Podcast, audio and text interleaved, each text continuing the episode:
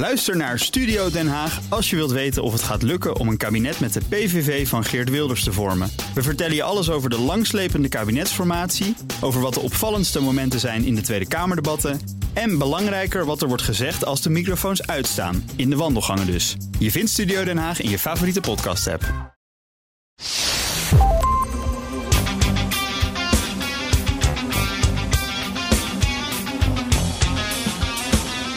Deze actie is nog maar een half uur geldig.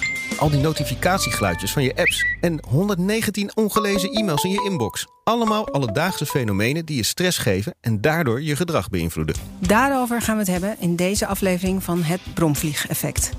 De podcast die je helpt dit soort alledaagse fenomenen te herkennen, de gevolgen te vermijden of juist zelf toe te passen. Ik ben Eva van den Broek, gedragseconoom. En ik ben Tim den Heijer, reclamemaker. En samen met Eva ben ik auteur van het boek Het Bromvliegeffect. Wat we hier in deze podcast gaan doen is kijken naar wat is het effect van stress op mensen hun gedrag. Wat is de oorzaak ervan? Hoe kun je die vermijden natuurlijk? En wat kun je er tegen doen op het moment dat je er middenin zit? Dus ik kwam geweldig onder de stress. Dus ik naar de dokter. Ik zei, dokter, ik moet een middel hebben tegen stress. En rap een beetje. Toen zei de dokter, hoort u wel waar u mee bezig bent? U wilde het kalmer aandoen en rap een beetje. Zo werkt het niet. Ik moest van de dokter heel consequent een ritme gaan aanhouden van één uur werken en een kwartier rusten. Maar dat hield ik s'nachts niet vol. Wij zijn allebei zelfstandig ondernemers. Uh, we hebben het vaak druk. We zeggen niet zo graag nee tegen opdrachtgevers. Ik merk soms ook wel dat als ik een beetje stress heb en het allemaal uh, snel moet, dat ik in een soort flow kom, dat het eigenlijk wel lekker gaat. Is stress nou eigenlijk zo erg? Uh, je hebt natuurlijk allemaal soorten van stress, zegt de wetenschapper. Uh, om te beginnen, je hebt natuurlijk, waar we het nu over hebben, is tijdstress. Uh, er zijn ook mensen mm -hmm. die meer geldstress hebben. Maar alle vormen van stress komen eigenlijk doordat je iets tekort komt. In ons geval heel vaak tijd, inderdaad. En het directe effect van iets tekort komen is eigenlijk een soort van blikvernauwing. Dat je volkomen gefocust raakt op dat ene waar je te weinig van hebt. Tijd dus.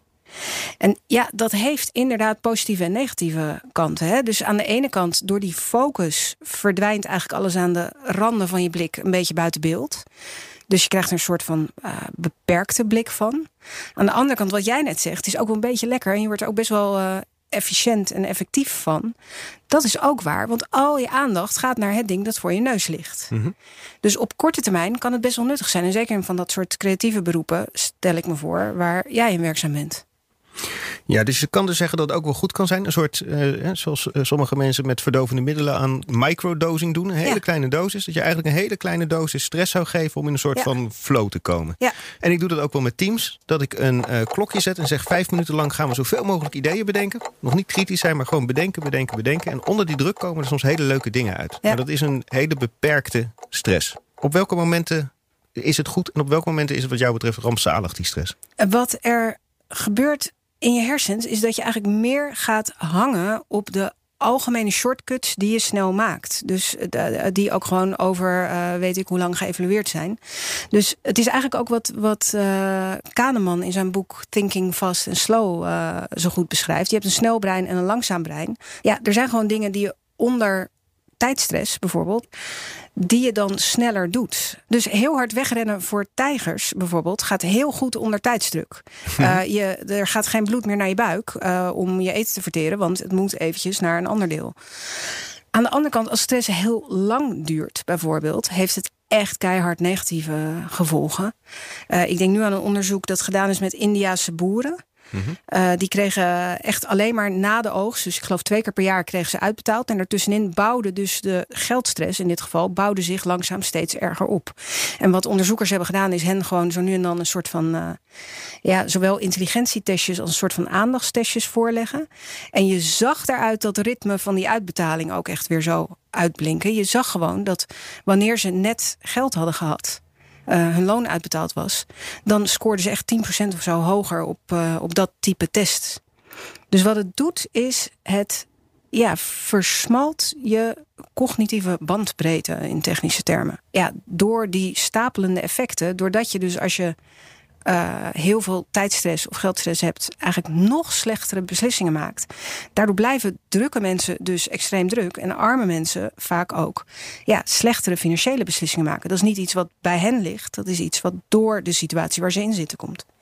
Maar ja, wat maakt nou dat we daar zo slecht in zijn? Tim, weet jij het? Mm, het doet me wel denken aan iets wat ik in uh, de reclame vaak tegenkom. Hè. Um, het is heel makkelijk om te denken, we moeten een campagne maken... en dan gaan we mensen motiveren om iets te willen. Uh, maar vaak als je dieper gaat, uh, gaat kijken, dan willen mensen het best wel. Ze hebben het zich zelfs voorgenomen, maar ze doen het gewoon niet. Er is een enorm potentieel aan mensen die een bepaald product willen kopen of een bepaalde dienst willen afnemen. Alleen vandaag even niet, want vandaag heb ik het druk met andere dingen. En morgen gaat het weer zo. Dus dat uitstelgedrag, ik denk dat we het allemaal tot op zekere hoogte herkennen. Dat is altijd iets op de korte termijn wat belangrijker is. Uh, variant ervan is denk ik in organisaties. Ja, we hebben een werkwijze afgesproken. En natuurlijk gaan we het zo doen, maar vandaag even niet, want vandaag is het zo druk. En morgen is weer de uitzondering. Dus um, ja, het is heel lastig. De, de, de, een deel van het brein wil het wel, maar het, het gebeurt gewoon niet. Um, het heeft denk ik heel erg te maken met uh, dat grote verschil tussen je huidige zelf en je toekomstige zelf. It's like late at night and you're watching TV and I stay up late because I'm night guy. Getting up after five hours sleep, that's morning guy's problem. that's not my problem. I'm night guy. Night guy. Night guy always screws morning guy. Really? Oh yeah. That's the only thing. Ja, uh, Seinfeld is uh, wat mij betreft een soort uh, gedragswetenschapper op een podium. Ik weet niet of je het er helemaal mee eens bent, maar ik stuur jou wel eens uh, stukjes waar ik zeg... hier, dit is toch precies wat Taylor of wat Kahneman zegt... maar dan gewoon in een stand-up routine. Dat geldt hier ook voor.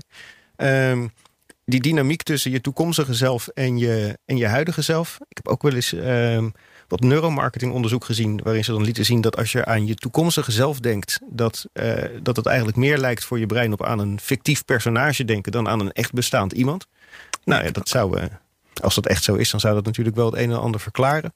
Um, je kan soms ook een beetje boos zijn op je, jezelf van vroeger. Hè? Waarom heb je nou niet gewoon de BTW uh, steeds bijgehouden en moet het dan toch weer uh, vlak van tevoren? Je kan er dankbaar zijn aan, je, aan je, jezelf van vroeger. Fijn dat je gitaar hebt leren spelen, zou ik nou niet meer doen.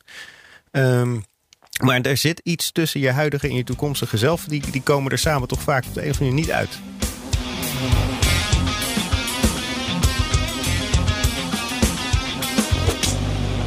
Oké, okay, dus eigenlijk zeg jij vanuit de wetenschap...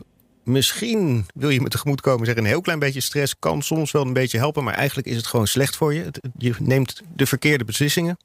Mm. Um, dat geldt voor uh, stress die komt door geldgebrek. Dat geldt ook voor stress die komt door tijdgebrek. En het gekke is dat we daarbij dat tijdgebrek onszelf nog vaak aandoen... door dingen uit te stellen. Ja. Um, andere bron van stress waar het in mijn vak vaak over gaat... en ik denk ook in het jouwe, dat is uh, keuzestress of informatiestress. Ja. Dus er wordt me te veel aangeboden. Ik kan dat niet verwerken. Um, en dat is natuurlijk iets wat we in ons vak ook de hele tijd moeten toepassen. He, hoe zorg je nou, als je heel veel te vertellen hebt over een hele mooie organisatie... dat uh, geïnteresseerden niet afhaken bij de informatiestress van zo'n overvolle website? Of hoe zorg je nou bij een hele mooie winkel... dat mensen niet alleen maar afkomen op dat assortiment... maar dat ze ook rustig wat gaan kopen? Om dat soort stress te reduceren... Um, mm-hmm. kan je natuurlijk mensen duidelijk maken van nou, dit, dit is nou van onze top 10. Ja, dit zijn de meest gekochte boeken in deze winkel. Of je kan op de site zeggen, veel mensen zoeken dit. Ja, de meest aangeklikte ja. links. Of als een knop maken naar wat veel mensen zoeken. Dan neem je het een beetje weg. Ja, Geef want je, je wil de stress veroorzaken wil je niet natuurlijk bij je klanten. Tenminste. Nee, nee, dat, uh, dat denk ik niet. Tegelijkertijd moet ik natuurlijk ook wel zeggen, soms wil een organisatie wel stress bij zijn doelgroep. Uh, als je op booking.com komt... Je ziet daar staan, ja. er, er, zijn nog drie mensen naar deze camera aan het kijken. Er zijn nog maar twee beschikbaar voor deze prijs. 38 keer geboekt in het laatste half uur. Dan ga je echt met je partner roepen en dan zeg je... Kom snel, laat dat kind maar eventjes. We moeten nu boeken. Ja, maar is er wat leukers? Hebben we geen tijd voor. Dus dat is echt expres stress creëren. En dat ja. is natuurlijk... Uh, uh, met alles wat limited edition is... of waar een klokje aan zit van je hebt nog zoveel tijd... dan word je eigenlijk bewust gestuurd om, uh, om die verkeerde beslissing te nemen. En dan is het eigenlijk wel grappig dat uh, de baas van Booking.com... een tijdje terug zo klaagde in de media... dat niemand zijn bedrijf aardig vindt. Dan denk ik, ja, dit zijn tactieken die werken misschien wel... maar je krijgt er geen ja. warme gevoelens bij. Er is, uh, er is een hele website gewijd aan dark patterns. Mhm. Uh, die, vers- die spaar ze allemaal, zeg maar. Zoals wij onze bromvliesjes, maar dan dus de, de nare varianten. Ja. Ja. Zitten heel smerige bij, inderdaad. Ja, Ja. Maar kan je daar nou wat tegen doen? Nou ja, ik zit zelf eh, niet te veel, maar soms wel een beetje op Twitter te kijken. En ik heb daar echt expres zo'n schilletje omheen gehangen. Waardoor je niet meer ziet hoeveel likes of hoeveel. Hè, dus al die notificaties en al die zo vaak geretweet. Dat staat gewoon helemaal uit bij mij. Want ik ben zo'n kwantitatief type. Ik ga dan vergelijken tussen mij en anderen. Mij en mijn gister zelf en dat soort dingen. Dus dat heb ik allemaal uitgezet. Ja, ik heb een plugin en die haalt eh, de trending topics weg. Ja, Ik zie de mensen die ik graag volg, dat vind ik super interessant. Maar dan staat er weer iets en ik weet dat het een relletje is en mensen zijn er boos over. En ik klik Ja. erop en ik krijg er alleen maar stress van. Dus weg ermee. Ja, ik Dus zie dat, ik zie tech echt wel als eh, oplossing nadat we er, eh, nou ja, terwijl we nu midden in al die dark patterns zitten, inderdaad. Mhm. En aan de andere kant, dit pakt de overheid ook. Hè? De, dat waar eigenlijk nudging eh, groot mee is geworden, dus mensen kleine duwtjes de goede kant op sturen, Ehm, dat is wat ook in het boek Nudge, het eerste boek wat zo heette van eh, Taylor en Sunstein centraal stond. Hoe automatiseer je nou dat je volgend jaar iets meer spaart en het jaar daarna nog een beetje meer spaart? Dus echt gewoon het automatiseren van toekomstgedrag. Het is veel makkelijker om dat nu één keer vast te leggen dan om elke keer te moeten gaan bedenken. Nee, ik ga niet naar de trending topics kijken of whatever. Dus dat doe ik zelf ook. En ik doe het nu ja, met dat eigen bedrijf van mij. Ik heb een soort van accountability partner. Ik weet dat ik niet dingen voor mijn future zelf doe. Die vind ik niet aardig genoeg. Maar ik heb een random iemand die ik heel aardig vind. Die, waarvan ik weet nauwelijks wat hij doet. Hij weet nauwelijks wat ik doe. Maar we vertellen aan elkaar wat er nuttig zou zijn om de komende twee weken te doen. En we houden elkaar daaraan. En anders moet de een naar de ander een fles wijn sturen. En dat werkt voor mij echt supergoed. Sociale druk die ik zelf heb eh, aangemaakt. Dus ik maak mijn eigen stress. Nou, doe me ook aan iets anders denken waar we het, eh, we het dus over hebben gehad. En dat is de invloed die taal heeft op, ehm, op waar en hoe je dingen gaat doen. Ehm, ik ga er niet te veel over nerden, maar ik ben eh, opgeleid als eh, historisch taalkundige. En ik ben afgestudeerd in het verschil tussen de werkwoorden gaan en zullen. Nou, ik, ben, ik heb toch nog een baan gekregen, beste luisteraars. Dat is echt mooi. heel leuk. Maar ik vond het wel heel interessant. En dat verschil dat zit, dat is regionaal verschilt het een beetje. Maar dat zit erin dat als je in standaard Nederlands, als je iets gaat doen, dan heeft het een ingoatief aspect. Dat wil zeggen dat je eigenlijk op punt staat om het te gaan doen. En als je iets zal doen, dan ligt dat veel verder in de toekomst. Je moet Ingo- beginnen. Ingoatief. Ja. En ehm, je kan je dus voorstellen dat als je zegt ik ga het doen, dan spreek je een ander commitment uit dan als je zegt ik zal het doen. Als je zegt ik ga het doen, ben je er eigenlijk al aan begonnen. Dus het is ook wel logisch dat je het afmaakt. Terwijl dat zal, dat ligt wat verder weg. Dat is wat, er zit Ja. wat minder commitment in. Maar ehm, jij eh, vertelde me toen over dat onderzoek, en dat heb ik gelezen. Dat, ehm, kijk, het verschilt nogal in talen hoe mensen de toekomst uitspreken. Hè, soms is er echt een aparte naamval voor die aangeeft: dit is de toekomst. En in andere talen zeg je: ik doe het morgen. Dat kunnen wij Ja, zeggen. het regent morgen. Ja, het regent morgen. Dus dan praat je eigenlijk alsof je over je huidige zelf praat. Ja. In de toekomst. Ehm, en het blijkt dus inderdaad dat in talen waarin mensen eh, vormen hebben die wat meer afstand tot de toekomst creëren in hun taal, dat ze ook ehm, ja, misschien wat minder punctueel zijn, wat vaker dingen uitstellen, het eh, wat rustiger aandoen. Het is best een grappig iets om mee te experimenteren. Zeker omdat wij het wel vaker hebben over commitment uitspreken naar jezelf en Ja. naar anderen. Dat het helpt. Dus ook te letten op de taal waarin je dat doet. Ja, ik ga die accountability van mijn partner helemaal eh, gek maken ja, ermee. precies. Niet, eh, ik zal het ooit eens doen of Ja. zo. Ja. Ja, de, je hebt hier ook, ook hier zijn tegen oplossingen voor. Hè. Er is gewoon een website, stik met 2k's.com. Dus eh stik CKK. Eh, daar kun je ook je eigen stress op maken. Dan vul je gewoon in wat je gedaan wil hebben. Dus ja, eh, stoppen met roken of je jaarverslag maken of weet ik veel wat. Je vult het e-mailadres van een vriend in en je vult een slecht goed doel in. Dus iets waarvan je echt niet wil dat ze geld krijgen. En dan pledge je dus je eigen geld op het halen van je doel. Als je het niet haalt, moet je dat geld wel overmaken. En je vriend of vriendin zijn e-mailadres die je daarbij hebt ingevuld, die moet jou daarop eh, aantikken. Dus dat is de, zeg maar de snelle versie van de Dus dan, ga je een politieke partij steunen waar je echt een afkeer van hebt. Als je je niet aan je afspraak houdt of zo. Ja. Dan word je wel zeer gemotiveerd. Hè? Dat werkt wel. Het is ook nog, eh, je verliest dat geld, dus dat werkt echt. Oké. ehm, ja, dan ben je dus nog niet stressvrij, maar je wordt wel baas van je eigen stress. Je gaat Ja. je stress een beetje managen. Ehm, en dat doe je natuurlijk ook door te zorgen dat je eh, doet wat je je voorneemt. Ja. En eh, nou, daar hadden we het net over dat taal daar in de weg kan staan of kan helpen. Eh, een andere manier waarop taal daarbij kan helpen is, nou, de regel is concreter is beter. Mooi. En we weten bijvoorbeeld uit direct marketing, hè, ik heb veel, uh, vroeger veel van die mailings gemaakt, dat uh, de concrete call to action heel veel uitmaakt in de effectiviteit. Als je eronder zet, dus laat deze kans niet aan uw neus voorbij gaan, dan gebruik je een beetje verliesaversie, zou best kunnen werken. Maar het zet mensen nog niet echt aan tot actie. Als je zegt, laat deze kans niet voor uw neus voorbij gaan en reageer voor die en die datum via dat en dat kanaal en profiteer van het voordeel. als je het heel concreet maakt, is de kans veel groter dat mensen het ook gaan doen. En dat kun je natuurlijk met jezelf ook doen. Hè? Dus je kan jezelf een call to action geven en je heel concreet zegt: uh, niet deze maand werken we aan de website, maar uh, deze dag herschrijven we de homepage en uh, gaan we hem uploaden. En hoe concreter je die doelen verwoordt, hoe groter de kans is dat je het ook echt doet. Ja, dus dit zijn allemaal eigenlijk methodes om stress te voorkomen. Hè? Uh, dat zijn waar deze bromvliegen echt op werken. En ja, als je er middenin zit, kan je dan nog iets doen aan dat gevoel van uh, uh, dus cognitieve bandbreedtevernauwing en, en, en stress en focus en zo. Ja, ik denk dat je hetzelfde als wat jij zegt, maak het concreet in kleine stapjes zetten. mijn tactiek daarbij is dit, hè? Tada. Ik heb dus een horloge zonder wijzers. Dit is echt, als jij aan het nerden bent, dan ga ik eroverheen. Ja, um, dit, ja, dat was een cadeautje van iemand die me goed kent. Dat zorgt ervoor dat ik eventjes weer nadenk over wat het hogere doel was. En niet wat er nu af moet. En dan staat het weer een beetje in perspectief. En denk je wat minder over de details na. Dus dan verruim je eigenlijk weer die focus een beetje. En ja, ik denk dat uh, het derde ding wat je doet als de stress je aan de lippen staat, is nadenken over wat het worst case scenario is. Dus hè, wat als dit niet lukt? Ja, vergaat dan de wereld? Nee, oké dan gaan we het morgen doen. Is ook waar. Nou, laten we kijken hoe ver je komt. Ja, en daar zit denk ik ook wel een aspect in dat uh, hoe je deadlines kiest. Hè? Ja. Um, ik heb, in mijn werk heb ik vaak. Uh, ik heb een meeting met een aantal mensen. En dan zeggen we wanneer zullen we de deadline afspreken? Nou, dan spreken we een datum af. Die staat mooi op de agenda. Het is het begin van een week. Of het is het eindweek zoveel. Of dan is het net eventjes voor een vakantie. Weet ik veel. En van dat moment is die heilig. En heb je stress om hem te halen. Um, Terwijl je dus kan afvragen, ja. waarom is het die datum? En tegelijkertijd uh, heeft dus hoe je die datum kiest ook echt invloed. Daar zit een echt bromvliegeffect in. En um, correct me if I'm wrong, maar volgens mij is het dus zo dat als je een uh, datum kiest die nog net in dezelfde maand valt, mm -hmm. dat je veel meer geneigd bent om er eerder aan te beginnen. Terwijl als die uh, net over de datumgrens of zelfs de jaargrens valt, dan ergens ja. in je achterhoofd heb je dan een stemmetje dat zegt: ah, het is pas volgende maand of het hoeft pas ja. volgend jaar af. En begin je er veel later aan en zou je dus ook meer stress hebben. Ja, en andersom uh, doet hij het dus ook echt. Hè? Dus dat met nieuwjaardag beginnen met uh, een nieuwe goede gewoonte. Dat werkt echt beter dan wanneer je het op een random uh, 23 maart doet of zo.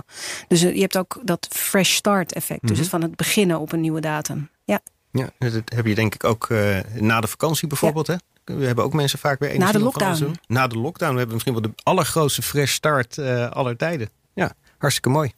Ik heb nog één ding dat met stress te maken heeft. En met afsluiten. Dat is misschien wel leuk om even te noemen. En dat heet uh, Symbolic Acts of Closure. Of Mental Closing. En wat blijkt, we hadden het net even over keuzestress. Heel veel stress komt ook uit, uit twijfel. Heb ik het nou wel goed gedaan? Ben ik op het goede pad? En uh, om jezelf daar een beetje uh, van vrij te waren... kun je een symbolische daad doen waarmee je het, het keuzeproces afsluit.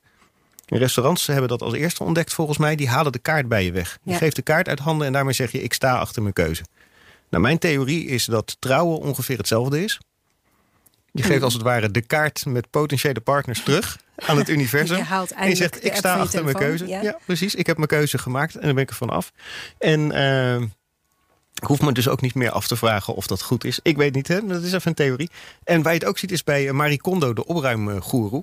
Als mensen uh, dingen weg moeten gaan doen, dan moeten ze van haar daar afscheid van nemen. En dat kan je dan een beetje silly vinden misschien. Maar tegelijkertijd is het dus ook weer echt een symbolic act of closure. Dus ik denk, uh, dat is natuurlijk in de thuiswerktijd een beetje kwijtgeraakt. Maar ik denk om met je team dus toch gewoon even de baas gaat op de tafel staan en zegt: Jongens, wat goed gedaan. Ik trek een fles champagne open, want we hebben het project afgerond. Dat het dus echt zo'n daad kan zijn waardoor het stressniveau enorm naar beneden gaat en ja. je eventjes het, het mentaal afsluit. Nou ja, Tim, dat... ja, we gaan deze doen. Ik weet een heel goede symbolische afronding voor deze podcast. Bedankt voor het luisteren naar het Bromvliegeffect. De podcast over kleine alledaagse fenomenen die jouw gedrag beïnvloeden. Hoe je die kunt vermijden of hoe je die juist zelf kunt toepassen. Check vooral ook onze andere afleveringen. Daarin hoor je bijvoorbeeld waarom de supermarkt een testlab is en jij de labrat. En welke bromvliegen je inzet bij onderhandelingen. Onze andere afleveringen vind je op bnr.nl en alle andere plekken waar jij podcasts luistert. Heb je nou zelf een stressbromvlieg die wij zijn vergeten of die we over het hoofd hebben gezien? Zet hem dan uh, met de hashtag bromvliegeffect op Twitter, Insta of andere sociale media. En wij uh, gaan ermee aan de slag. Tot de volgende. Bye.